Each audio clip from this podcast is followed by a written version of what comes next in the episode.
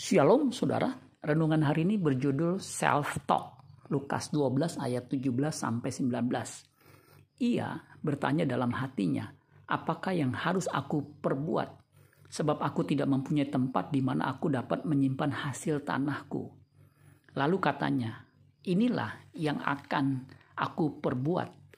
Aku akan merombak lumbung-lumbungku dan aku akan mendirikan yang lebih besar dan aku akan menyimpan di dalamnya segala gandum dan barang-barangku. Sesudah itu aku akan berkata kepada jiwaku, jiwaku ada padamu banyak barang, tertimbun untuk bertahun-tahun lamanya. Beristirahatlah, makanlah, minumlah, dan bersenang-senanglah. Dalam dunia psikologi ada istilah self-talk, berbicara dengan diri sendiri. Manusia adalah makhluk yang bisa bicara kepada orang lain, kepada Tuhan, dan kepada dirinya sendiri. Apa salah kita berbicara, kita berbicara dengan diri kita sendiri? Tidak salah.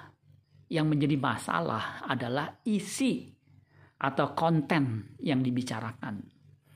Orang kaya ini berbicara kepada dirinya sendiri. Yang dibicarakan adalah masalah kekayaan dan kenyamanan hidup di dunia ini saja. Inilah kesalahan fatal.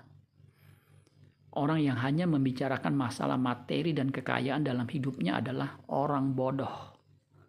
Lukas 12 ayat 20 sampai 21 dikatakan tetapi firman Allah kepadanya, "Hai engkau orang bodoh, pada malam ini juga jiwamu akan diambil daripadamu dan apa yang telah kau sediakan untuk siapakah itu nanti?"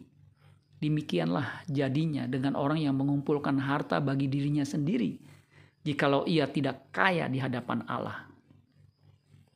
Ia tidak tahu bahwa manusia hidup bukan karena roti saja, tapi oleh firman Allah. Manusia hidup bukan di bumi saja, tapi juga di kekekalan. Jadi semua yang dimiliki akan ditinggalkan. Jadi jika ada pembicara di mimbar hanya menyampaikan berkat-berkat jasmani dan pemenuhan kebutuhan hidup serta bagaimana bisa menjadi kaya di bumi, maka ia bukan saja bodoh tapi juga jahat.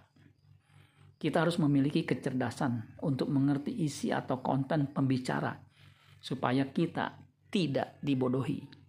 Amin buat firman Tuhan. Tuhan Yesus memberkati. Sola Gracia.